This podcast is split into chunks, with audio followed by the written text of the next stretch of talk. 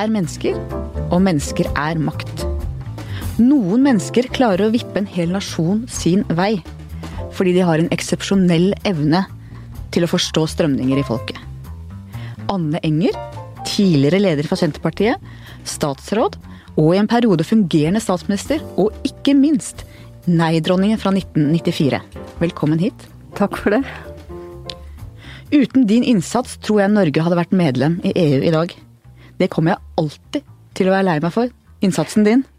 Jeg dro hjem fra jobben den natten i 1994 og gråt da du og resten av nei-folket feiret deres seier. Det skal vi komme tilbake til. Men først. Du er antagelig Norges beste politiske analytiker, som vi aldri hører noe fra. Ved nyttår slutta du som fylkesmann i Østfold, og nå kan du snakke fritt. Så hvilke strømninger er i ferd med å snu i det norske folk nå? Ja, det er vanskelige spørsmål, eh, og jeg kunne kommentert en del av det du har sagt innledningsvis her òg. Eh, men noe som slår meg er egentlig at det landet vårt er jo godt å bo i for de fleste av oss. Og, jeg har inntrykk av at veldig mange nå har glemt eh, hvor det kommer fra. Hva som har gjort det til et godt land å bo i. Og at mange tar veldig mye for gitt.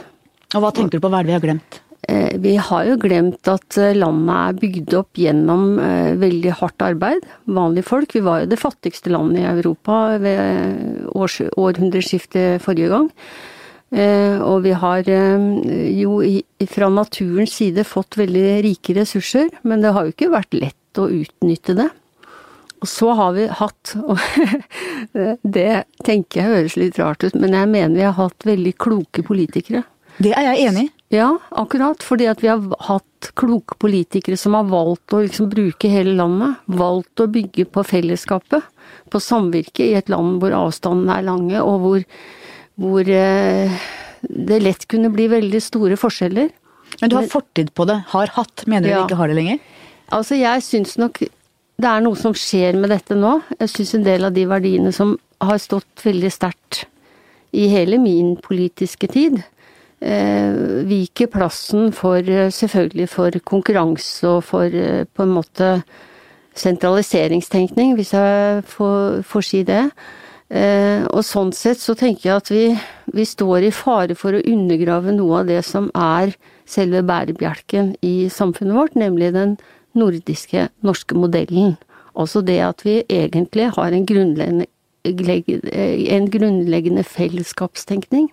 Det er den modellen som Siv Jensen jo mener at står i veien for det norske samfunnet. Ja, og jeg er jo ganske uenig med Siv Jensen i mange saker, også i det, i det spørsmålet. Men jeg ser at hele situasjonen gjør jo at vi eh, Utfordringene er annerledes, og det er ikke så lett å kjenne igjen, kanskje, som det var før. Eh, verden har blitt eh, mindre, kan du si. Altså alt, alt, flyter jo litt. Det er både blitt større og mindre, på en ja, måte? på en måte, det er riktig. Eh, og samtidig så er liksom Norge eh, er jo et eh, lite land, og samtidig stort.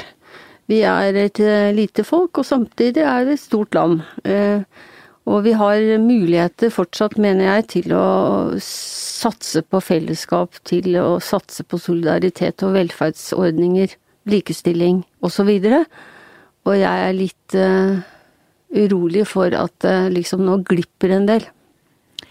Du har vært i Østfold, som er grensefylket ja. til Sverige. Ja. Eh, ja-fylke. En av de få ja-fylkene. Ja, og der havna du! Der havna jeg. Ja. Så jeg var veldig bevisst på at EU var ikke saken når jeg kom mm. dit som fylkesmann. Men det er jo også et grensefylke nå med flyktningstrømmen vi hadde her i høst. Hvilke tanker har du gjort deg om det som skjedde da? Det var jo overraskende for alle. Eh, jeg syns vel egentlig at det tok for lang tid før sentrale myndigheter tok det på alvor, og så helheten i det. Altså at det var ikke bare eh, Det er ikke bare å ta imot folk, men man må på en måte tenke litt større, og ha noen grep. Eh, og vi fikk jo i Østfold i fjor høst etablert et stort mottakssenter med 1000 senger. Det var faktisk senger, og er senger fordi at der er det tenkt at man skal komme først inn og få registrert seg, få helsesjekk osv. før en kommer ut. Eh, jeg syns det, var et uh, viktig grep, og det var jo særlig stas når vi fikk uh, kongen og dronningen til å komme og besøke det senteret. Egentlig Det var åpna, det var fullt av folk der, men, men, det var i veldig tidlig fase, og det tror jeg også var veldig godt for den kommunen som fikk eh, et så stort mottakssenter i den tida. Hvordan skal vi håndtere denne flyktningsituasjonen? Ja, vi må håndtere den. Og jeg er jo av de også som mener at vi kan ikke ta imot alle, og vi skal være, eh, sånn som det nå blir sagt, altså de som som ikke trenger eh, beskyttelse, de får vi sende ut, osv. Men jeg mener at i Norge så har vi ganske god plass. Og vi har hjerterom, og vi har penger, faktisk. Og jeg tenker at vi har et stort ansvar til å bygge opp, eh, og kanskje eh, rett og slett bygge opp solidariteten og forståelsen blant vanlige folk. For jeg tror det er, det er mye å bygge på det er mange som vil hjelpe. Og at frivillighet og, og eh, lokalbefolkningen slår jo ofte ring om de familiene og, og de folka som kommer og trenger beskyttelse. Så jeg tenker at man burde egentlig, istedenfor å forkynne hvor flinke vi er til å sende folk hjem, eller hvor strenge vi skal bli, så bør man bruke tid og krefter på å formidle både ansvar og det er jo noe som heter at den som er gitt mye, skal også mye kreves av. Og jeg syns jo at det norske folk eh, blir nesten Det blir liksom for bra.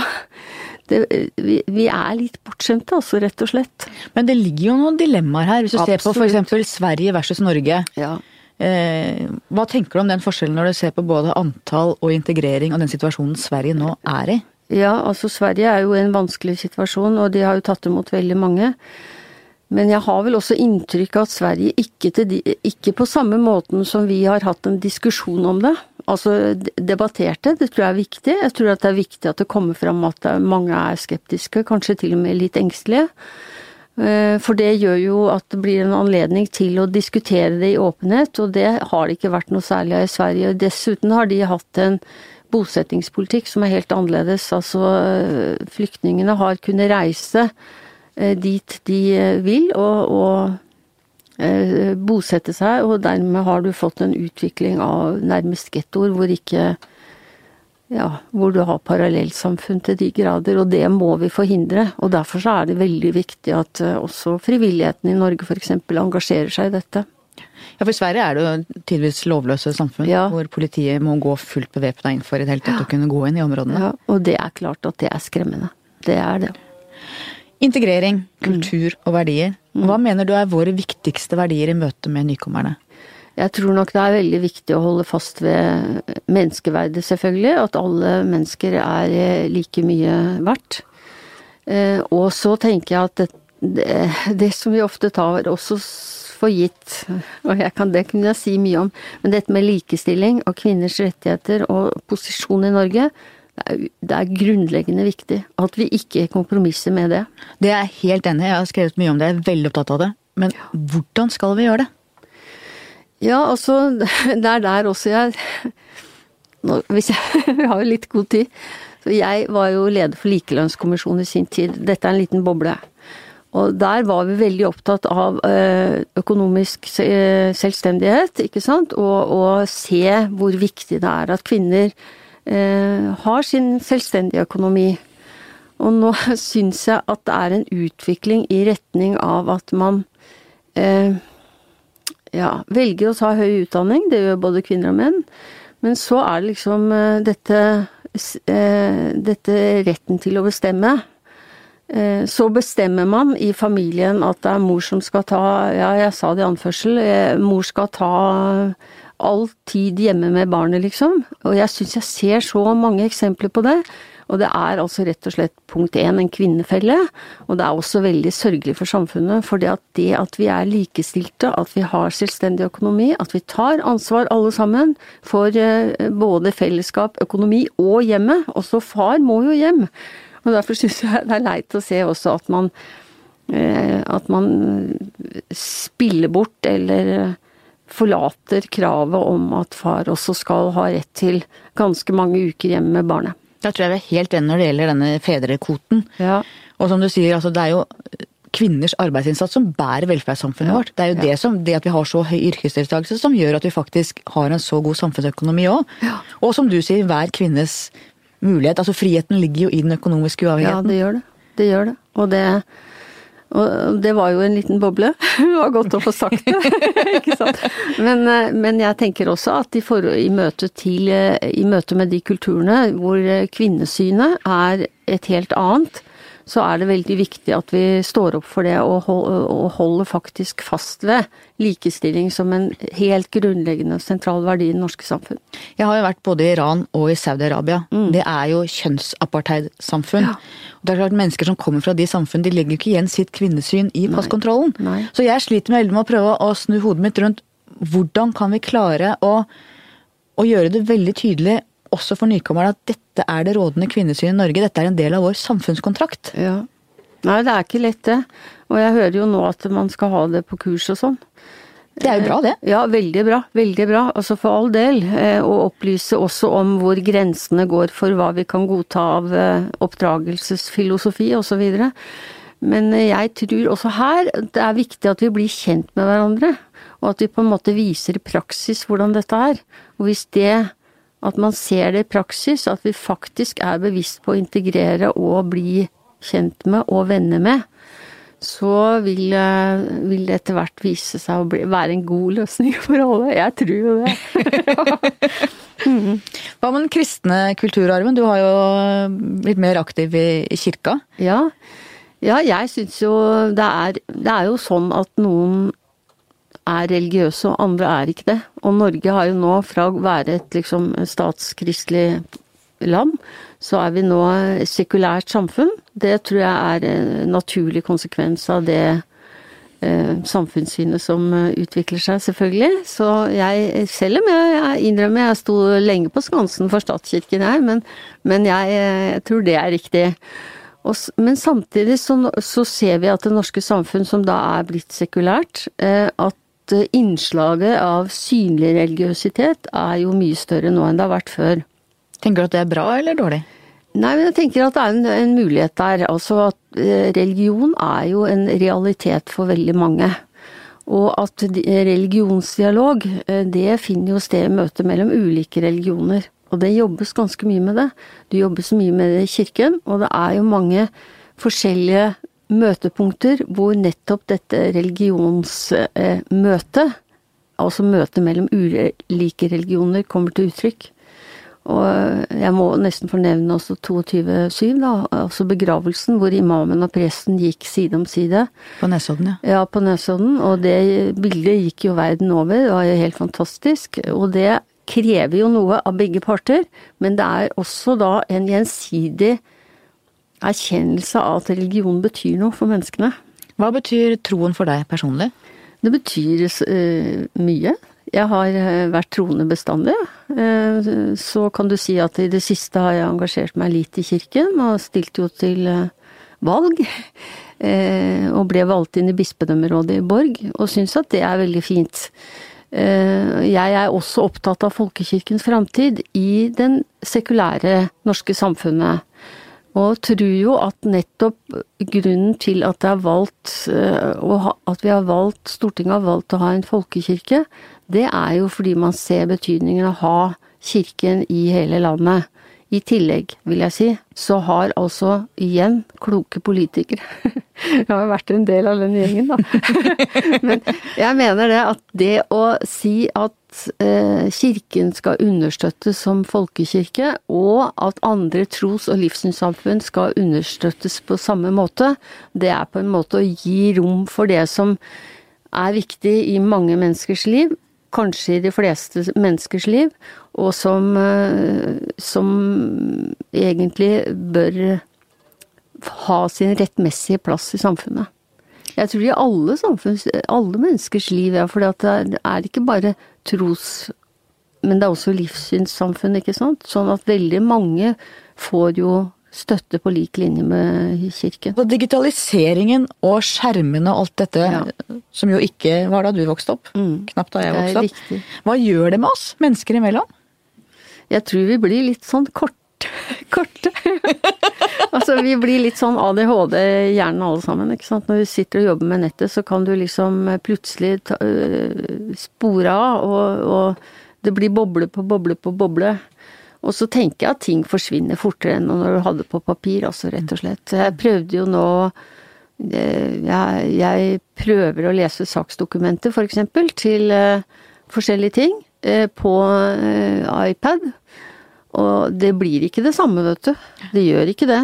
Jeg må printe ut og streke, så Ja, er det viktig med gulpenn og notater i margen og Ja, ikke sant. Du bruker penn når du leser, og skriver og kommenterer og husker sånn sett. Og du har det liggende, sånn at du kan huske historien. Og når jeg sier vi blir litt korte, så er det kanskje mer det at vi glemmer litt historien. Vi får mye mer stoff, men vi glemmer liksom kanskje det som vi burde huske. Da kan vi rett og slett gå videre, for det handler litt om samme globalisering, Ja. eh, dels- delingsøkonomi, eh, Delingsøkonomi har jeg ikke noe tro på. men arbeidsledighet altså, eh, er en større utrygghet nå for framtida hos folk enn det var før? Absolutt. Det tror jeg. Og jeg, alle ser, eller at det, det er, blir et hard, hardere, tøffere samfunn. Jeg tror det. Dilemmaet med globaliseringen er jo at det er veldig veldig mange som blir løfta ut av fattigdom. Samtidig som det er liksom noen få som får regninga i de landene hvor man flytter arbeidsplasser ut fra, f.eks. Ja. Men, Men summa, summa summarum så er det jo Har du skapt velstand for veldig, veldig mange. ja. Jo, og det er, det, på en måte så er det sånn at uh, det er ubalansen som så, så er det prosesser som gjør at det blir balanse, altså konkurranse. Ikke sant? Og så, og så er det liksom Det interessante skjer når det liksom eh, eh, Du er i det derre spenningsfeltet. Eh, men det som jeg syns er grunnleggende feil, det er jo faktisk at pengemakt har fått så ufattelig mye makt. Også fordi det er, så, det er globalt, ikke sant? Men har det ikke vært sånn bestandig. Nei. Jo, jo. Det har sikkert vært litt sånn. Jo. men, men, men det er klart at uh, mulighetene for å bygge multinasjonale, globale selskap nå, og, og skjule alle spor, ikke sant, det er jo helt annerledes enn det var før. Og mm, vi skal jo snart inn på EU og sånn, men jeg syns jo måten som man eh, håndterte krisa i Hellas på, for eksempel, det er ikke bra, mener jeg. Og det er fordi at man var så opptatt av at kapitalen skulle få liksom sin avkastning og få sine ting tilbake, at man overså at de hadde lånt ut penger til folk som ikke kunne på en måte betale tilbake. Og så sa de da får dere nesten altså greie dere uten arbeid, uten pensjon osv. Nå er jeg kategorisk. Ja, nå Jeg er du hører veldig gamle Anne igjen, kjenner jeg. Ja. Jeg tenkte vi måtte kjenne det litt på det. Ja, ja, ja. Men hvis du ser på det som har skjedd nå, da. Ja. For det første har du fått et helt annet internasjonalt samarbeid rundt eh, å ta skatteparadisene, Ja. få oversikt. Og med Panama Papers så har også pressen klart å, å flytte opp på det globale og på en måte være motmakt mot makta, også på et overnasjonalt plan. Så det går litt framover òg. Ja, akkurat det er jo veldig flott, men det er jo klart at det har skjedd veldig mye med kapitalkreftene før, før du greier å matche det med, eh, med pressen og få åpenhet rundt det. Og det er jo ikke akkurat åpenhet som preger pengemakta. Nei, vi må jobbe. For å få Vi det må til. jobbe, dere må jobbe, og, og demokratiet må på en måte hele tida fornyes, tenker jeg. Og Har- da er jeg litt bekymra for at eh, politikerne våre blir liksom på en måte skjerma mot eh, Ja, nei. Mot Eh, de, de bygger jo opp sånne grupper med folk rundt seg. Sånn at det, det å gå liksom ut i gata Det er ikke så mange som gjør det lenger. Nei, det er vanskelig, det er sikkerhetssituasjon, men fortsatt kan vi jo møte politikere på vei Ja, til og fra ja, Stortinget. ja. Det er vel ikke bare sikkerhetssituasjonen, jeg tror de tenker annerledes enn før òg. Har- Alt var bedre før. det mente jeg ikke å si, men det ble jo Det var litt sånn du Ja, sa ja, ja, ja, ja. Men har handlingsrommet for politikerne ja. Har handlingsrommet for politikerne blitt større eller mindre? Jeg mener at det er mindre. Det er mindre. Men eh, vi har et handlingsrom som de bør utnytte. Og nå eh, ser jeg liksom at eh, Ja, det er jo spenninger i det å, å bruke handlingsrommet og styre. Eh, og det kommer opp imot konkurranseregler og alt det der som vi har snakka om før. Ja. så det bør vi ikke kanskje å bruke så mye tid på. Men eh, hvis du da går til dagens politikere, tror du at regjeringspartiene og de to støttepartiene vil klare å holde sammen? Eh, Det virker jo på meg som Venstre er veldig fornøyd. Eh, Sånn, og det er jo en gunstig situasjon. Ja, altså, jeg er overrasket over eh, eh, det som eh, Som er det konservative Høyre, egentlig. For det, de går jo, jeg syns de De gir avkall på en del ting, uten at jeg nå kan eh, ja, hvis du spør meg, nå må du eksemplifisere, men jeg syns det går Det går fort, da, i endring av samfunnet. Eh, og, Men det er jo det de vil.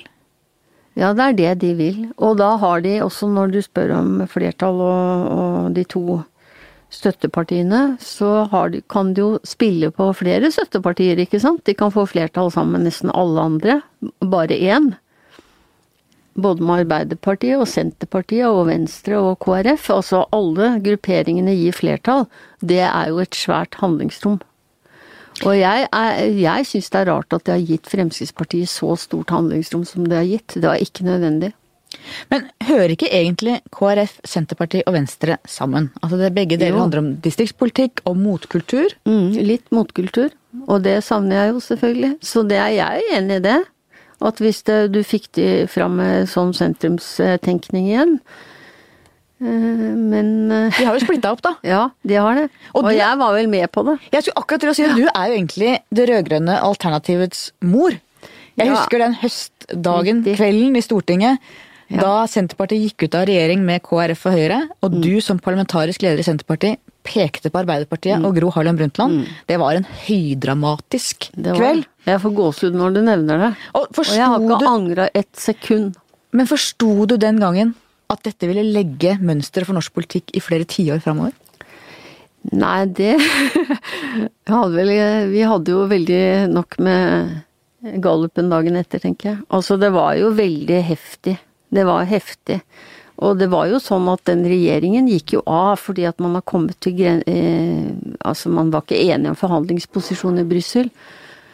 Eh, og så var det jo det intermesso som oppsto når regjeringen hadde gått av. Hvem skulle da ta over? Og det Da mener jeg nok at kanskje min innsats også innad i partiet var litt viktig. Fordi da var det sterke drivkrefter, og jeg pusha det. For jeg var helt overbevist om at det var det er sammen med Arbeiderpartiet at eh, Senterpartiet kan oppnå mest. Det var vel, det var vel bare Magnus Stangeland som stemte imot Det var fire av Det elleve. Det var det, ja. Ja, fire av elleve.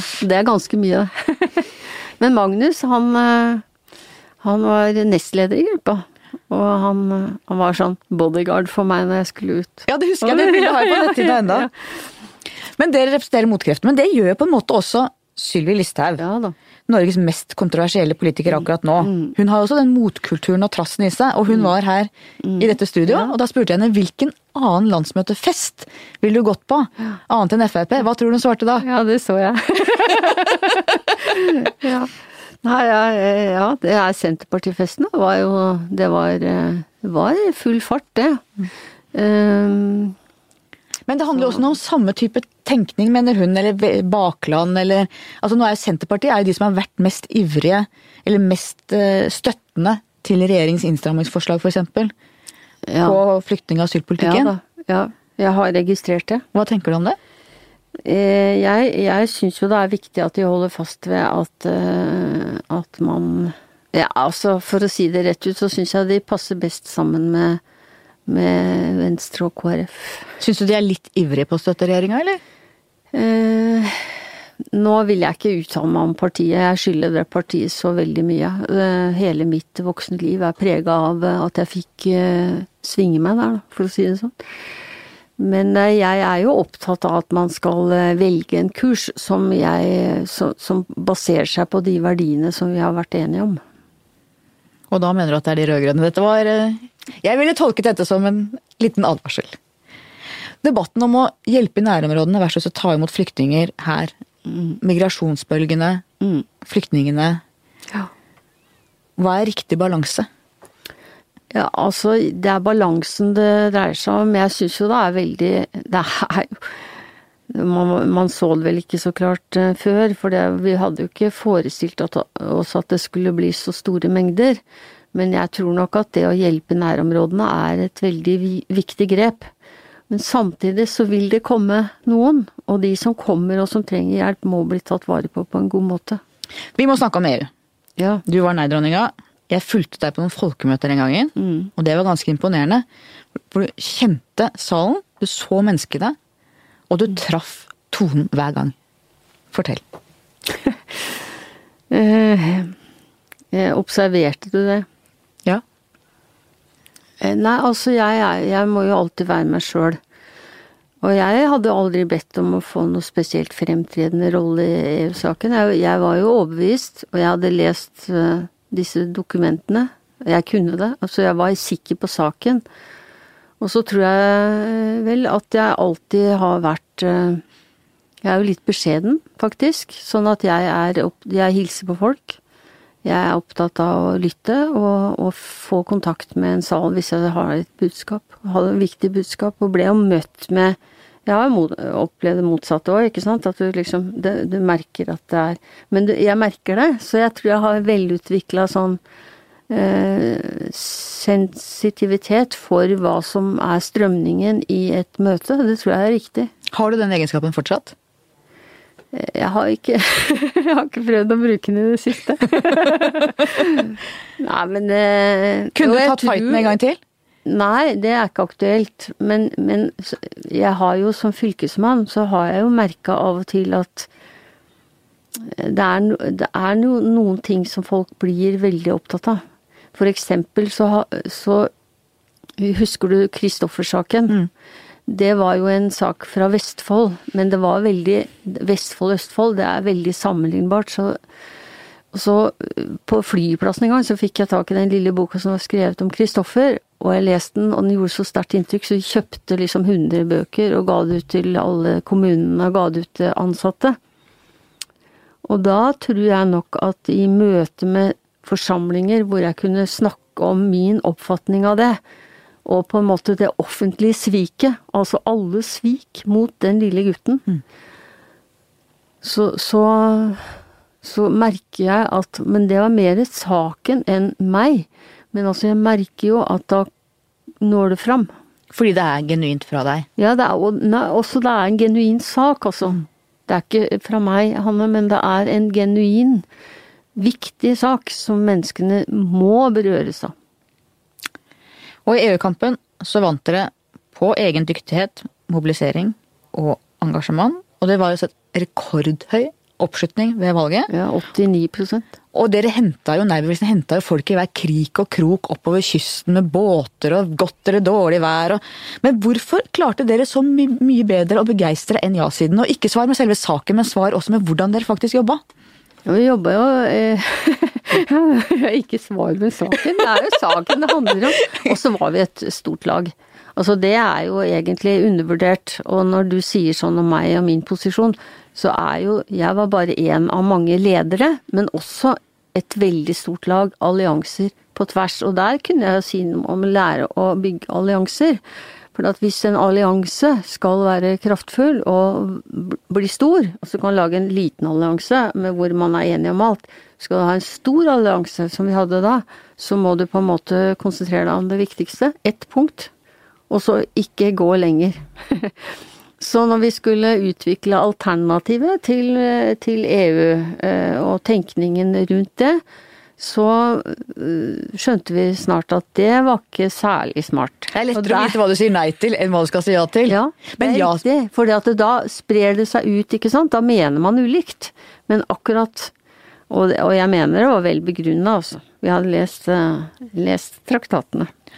Men som jeg alltid sier, altså det er lettere å si nei til noe enn å si ja til noe. Ja, men det er større ansvar også å si ja til noe enn å si nei til noe. Men de som sa ja, ja så jeg var også full av folk, idealister, som trodde på en bedre verden.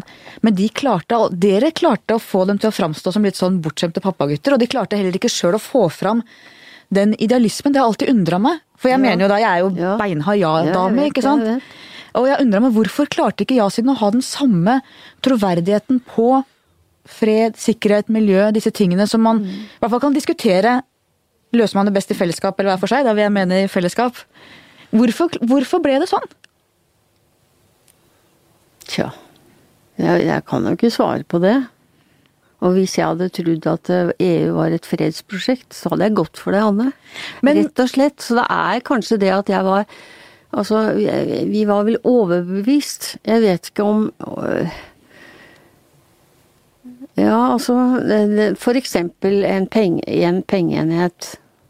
Det var, det var jo lett å si at ha, det var veldig greit å kjøre over grensene, for det var én pengeenhet.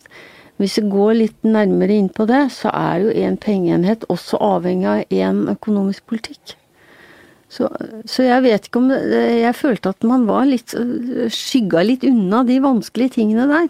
Men hvis du ser på EU som hvis du glemmer norsk medlemskap, men Ja. ser på EU som EU, tenker du at EU som organisasjon har skapt fred i etterkrigstidens Europa? Nei, altså, jeg gjør ikke det. Du gjør ikke det? Mellom Tyskland og Frankrike? Jo, men det hadde jo samarbeida. Hvorfor skulle de vært i ufred med hverandre? Men jeg er jeg faktisk ikke, eh, altså. Du ville heller hatt nasjonalstatenes Europa enn Europeisk union? eh, Med, med lave skuldre og med godt uh, internasjonalt samarbeid. Og her er vi så uenige! Ja, Ja. jeg beklager det. Nei, men det, Men det er, Du vant. ja, ja, ikke sant? ja, ja. Så eh, nei, jeg, jeg tror nok at jeg har fortsatt litt tro på nasjonalstaten. Altså en geografisk avgrensa størrelse som, som innafor der så kan man ha sin, sin Utvikle sin politikk. Jeg, Kunne det blitt Hadde det blitt ja i 1994 hvis man ikke hadde hatt EØS-avtalen? EØS-avtalen var jo det som både KrF og Ja, SME, Sosialdemokrater mot EU, og LO på en måte holdt seg til. Mm. Som gjorde at de sa at det blir trygt økonomisk uansett. Hvis vi ikke hadde hatt EØS-avtalen, hadde det da vært større sjanse for at det ble ja til medlemskap? ja, det er jo et sånt eh, umulig svar eh, å gi. Eh, jeg stemte jo Vi stemte jo mot EØS-avtalen. Ja, dere var jo mot alt. Ja, ja, nei, vi var for vårt. eh, Nei er et ja til noe bedre, vet du. Jeg husker de gamle slagordene. Men helt sånn i ettertid, Ja. hvis du vurderer det For det var jo det som fikk veldig mange, tror jeg, innen sosialdemokratiet og arbeiderbevegelsen til å stemme nei, for de hadde den tryggheten i lomma at det var jo tross alt en økonomisk jeg tror det er for lett å si at man ikke kunne At det hadde blitt ja uten det. Rett og slett. Jeg tror det var veldig sterke krefter som, som er grunnleggende kritisk til liksom de fire friheter. Jeg skal ikke gjenta det, men det blir vel Det er unødvendig. Hva Ja. tenker du om Schengen, som nå er i ferd med å bryte sammen? Ja, var jo mot den nå. Er det fortsatt, Mener du at den burde oppheves nå, eller tenker du at nå Altså, jeg syns jo det som skjer nå er veldig leit. Altså, jeg skulle ønske at vi ikke fikk rett når det gjaldt eh, en del av de der tingene der, selvfølgelig. For jeg er jo fredssel, og syns jo det hadde vært best om man greide å samarbeide i fred og frihet, og at vi hadde gode verdier og, og eh, trygghet for menneskene. Uh, I hele Europa, selvfølgelig. Så hva var spørsmålet ditt? Om du nå tenker at det er fint at hvis Schengen faller nå Nei, altså Grensekontroll? Ja, det kan hende at det blir grensekontroll. Det er jo grensekontroll nå. Og det er vel, det er vel kanskje bedre at man har en uh, viss grensekontroll, enn at man plutselig må sette det inn fordi at det kommer eh, barn og kvinner og nødstette som man ikke kan ta imot. Jeg syns liksom det er Jeg vet ikke om det er noe bedre situasjon. Og brexit, da? Hva tenker du om det? Jeg kan ikke nok om det. Nei. Det kan jeg ikke, altså. Nei. Nei. Nei, men Det er helt i orden. Men jeg tror du ville stemt nei hvis det var Britte. Antagelig. ja, det tror jeg. Men jeg har blitt spurt. De har ringt til meg fra diverse aviser og sånn der borte. I, og, så, og vil gjerne intervjue meg. Og da Det det gjør jeg ikke. Du blander deg ikke inn i andre lands Nei. indre anliggender. Ikke sant. Nei. Og det er aldri noe særlig vellykket. I dag er det jo stort sett ytre høyre og ytre venstrekrefter i Europa på frammarsj som kjemper mot dagens EU. Hva tenker du om det, de politiske kreftene som i dag er der? Vi hadde jo det i 1994 òg. Det eneste vi eh, satte foten ned i forhold til, var jo rasismen. Rett og slett. Sånn at det var helt kategorisk. Og alle i Nei til EU var enige om det. Så det var jo mot eh, det høyreekstreme. Eh, og det er jo Kan man ikke si at det er liksom litt majoritetens fallitt også? Hvis du på en måte Det føres en politikk som gir en ekstrem høyreside, en ekstrem venstreside. At da kan EU på et vis takke seg sjøl, eller da er det eliten Nei, som jeg, har jeg eliten hører at du kan tolke det sånn, for, men jeg vil ikke snakke EU ned til de grader. Altså, Nei. EU er der. Altså, for, for meg hadde det jo Hvis det hadde lykkes, så, så er vi jo alle for fred, ikke sant? Mm. Men det er noe med tenkningen som jeg ikke har noe tro på. Jeg ser på deg og tenker at du kunne kjørt den fighten i dag òg. Etter EU så var du sliten, Ja, og du har selv beskrevet det som en nedtur. absolutt. Vil du fortelle om det? Ja, altså jeg eh, Jeg ble jo tatt kraftfullt dagen etter folkeavstemningen. Og jeg sa vel sikkert noen dumme ting, men egentlig så har jeg forsvart meg sjøl i den boka jeg skrev. Så jeg må henvise til min bok 'Grønn dame, rød klubb'. Men jeg syns det var godt å få skrevet om det, for det, det er jo også sånn at når det, det gikk jo med skjold på ryggen hele tida. Det var liksom litt sånn i krig, også i anførsel. Og når du er høyt oppe og, og, blir tatt hardt, så var det liksom at grasrota da støtta opp og liksom litt høyt oppe. Og da tror jeg egentlig at det er, ikke er så sunt for menneskene i lang tid. Blir du litt fartsblind, eller? Jeg vet ikke, altså det Jeg vil ikke bruke det uttrykket, tror jeg, men, men rett og slett at jeg er jo et godt jorda menneske. Og jorda, det er uttrykket uttrykk jeg vil bruke om meg sjøl. Og da, hvis du er høyt oppe, så er det kanskje noe med jordinga som ikke er helt bra. Sånn at jeg har tenkt i ettertid at det var veldig ålreit at jeg ble tatt hardt. Var du litt innkapsla i deg sjøl òg, eller ble du litt sånn usårbar mot Ja, jeg vet ikke, tefloneffekt har jeg vel aldri hatt, for jeg har jo alltid vært veldig sårbar, jeg. Men, men eh, det, det var jo også noe med partiet da, ikke sant. Man var kanskje eh, hadde, hadde gjort jobben. Så litt som eh, greide ikke fornyingen av partiet, kanskje, sånn som jeg hadde håpa. Eller det vil si, folk vil ikke ha det. Det er vel mer det, for vi presenterte jo et tredje alternativ og fikk jo en sentrumsregjering. Men det var jo på tross av, ikke på grunn av valget. Sånn at du kan si at vi prøvde da med sentrum etter folkeavstemningen. Og så sa Og jeg mener jeg var veldig sånn realistisk på det. Altså folk ville jo ikke ha det. Så da ble det tilfeldigvis en sentrumsregjering, men ikke støtte for en sentrumspolitikk i vid forstand. Apropos dette med at man lettere å si nei til noe enn hva man sier ja til. Ja, ikke sant. For da Vi hadde jo et prosjekt som var sentrums... Og så kom KrF og fikk kontantstøttesaken, som jo jeg var uenig i. og så vant jo de det valget etterpå, i 1997, og ble det største sentrumspartiet. Og det Ja, sånn er det. Men jeg vet at folk i Senterpartiet gjerne ville at du skulle stille som statsminister. Det ville du ikke. Det var du helt avvisende Ja, til. nei. Ja. ja. Nei, Hvorfor det- ville du ikke det? Var det fordi du var sliten? Nei, altså det var jo til å begynne eller? med, så det var jo det som Det var jo da det gikk feil. For det, og det var jo veldig rart. Altså, jeg ble spurt eh, på en pressekonferanse, og så hadde vi ikke tenkt på det. Men altså, da var jeg leder for det nest største partiet på Stortinget, og vi drev EU-kamp.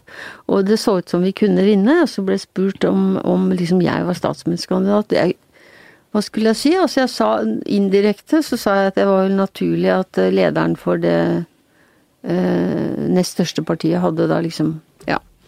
Så det ble Og så, så ble det egentlig min Hver gang statsministerkandidaturer ble nevnt, så stå, så jo dere i pressen at jeg, jeg følte meg ille berørt. Hadde du klump i magen, eller? Nei, altså akkurat det der hadde jeg liksom Det, det, var, ikke, det var ikke noe som jeg søkte, ikke sant? Det er helt Ja, og så ble det sånn allikevel. På et tidspunkt. Så du har aldri angra på at ikke du tok den fighten og så, sa at jo, jeg vil faktisk Nei, nei, nei. nei. Nei. Nå har du vært borte fra politikken siden 2001. Hva savner du, og hva savner du ikke? Nei, jeg savner altså ikke medieoppmerksomhet. Jeg syns at jeg har et mye bedre og roligere liv nå. Men det var jo fantastisk selvfølgelig å få være med på laget da, og få se at man fikk til ting. Eh, Jeg tror nok sånn i ettertid så er jo EU-saken helt spesiell. Eh, Og det var et stort lag. Og så syns jeg nok at det å få være med i regjering, det var eh, Ikke alle liker at jeg sier det, men det var min beste tid i politikken. Så for da fikk jeg til ting. Altså da, da Operaen ligger der, liksom. Vi fikk beslutta det. Altså Gunnar Stålseth ble biskop i, i Norge. Det var fantastisk viktig. Sånn at eh, Og så når jeg også fikk da anledning til å være statsråd for Olje- og energidepartementet en periode, for Marit Arnstad, så jeg, jeg Da skrudde jeg opp aktivitetsknappen og syntes det var herlig. Og så ble jeg fryktelig sliten, og gikk av i oktober 1999. Og er glad for det. Har fått et nytt liv eh, på alle måter. Du ser jo godt ut. Ja, men det er godt å høre. Til slutt, mitt faste avslutningsspørsmål. Hva skal historien være om deg? Og da er du helt sikker for beskjeden til å formulere det selv.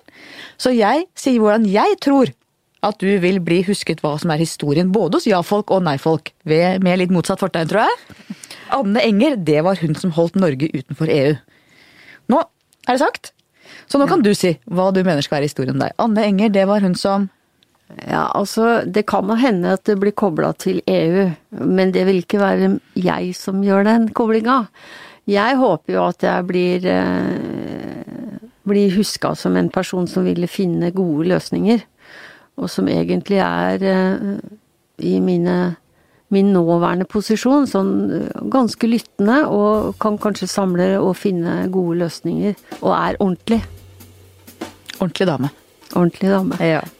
Tusen takk for at du kom hit. Takk til deg som hører på. Takk til vår faste produsent Magne Antonsen. Og helt til slutt, hvis du ønsker å høre flere podkaster, trykk på abonner i iTunes, så får du inn de nye, og finner de gamle. Vi høres neste uke.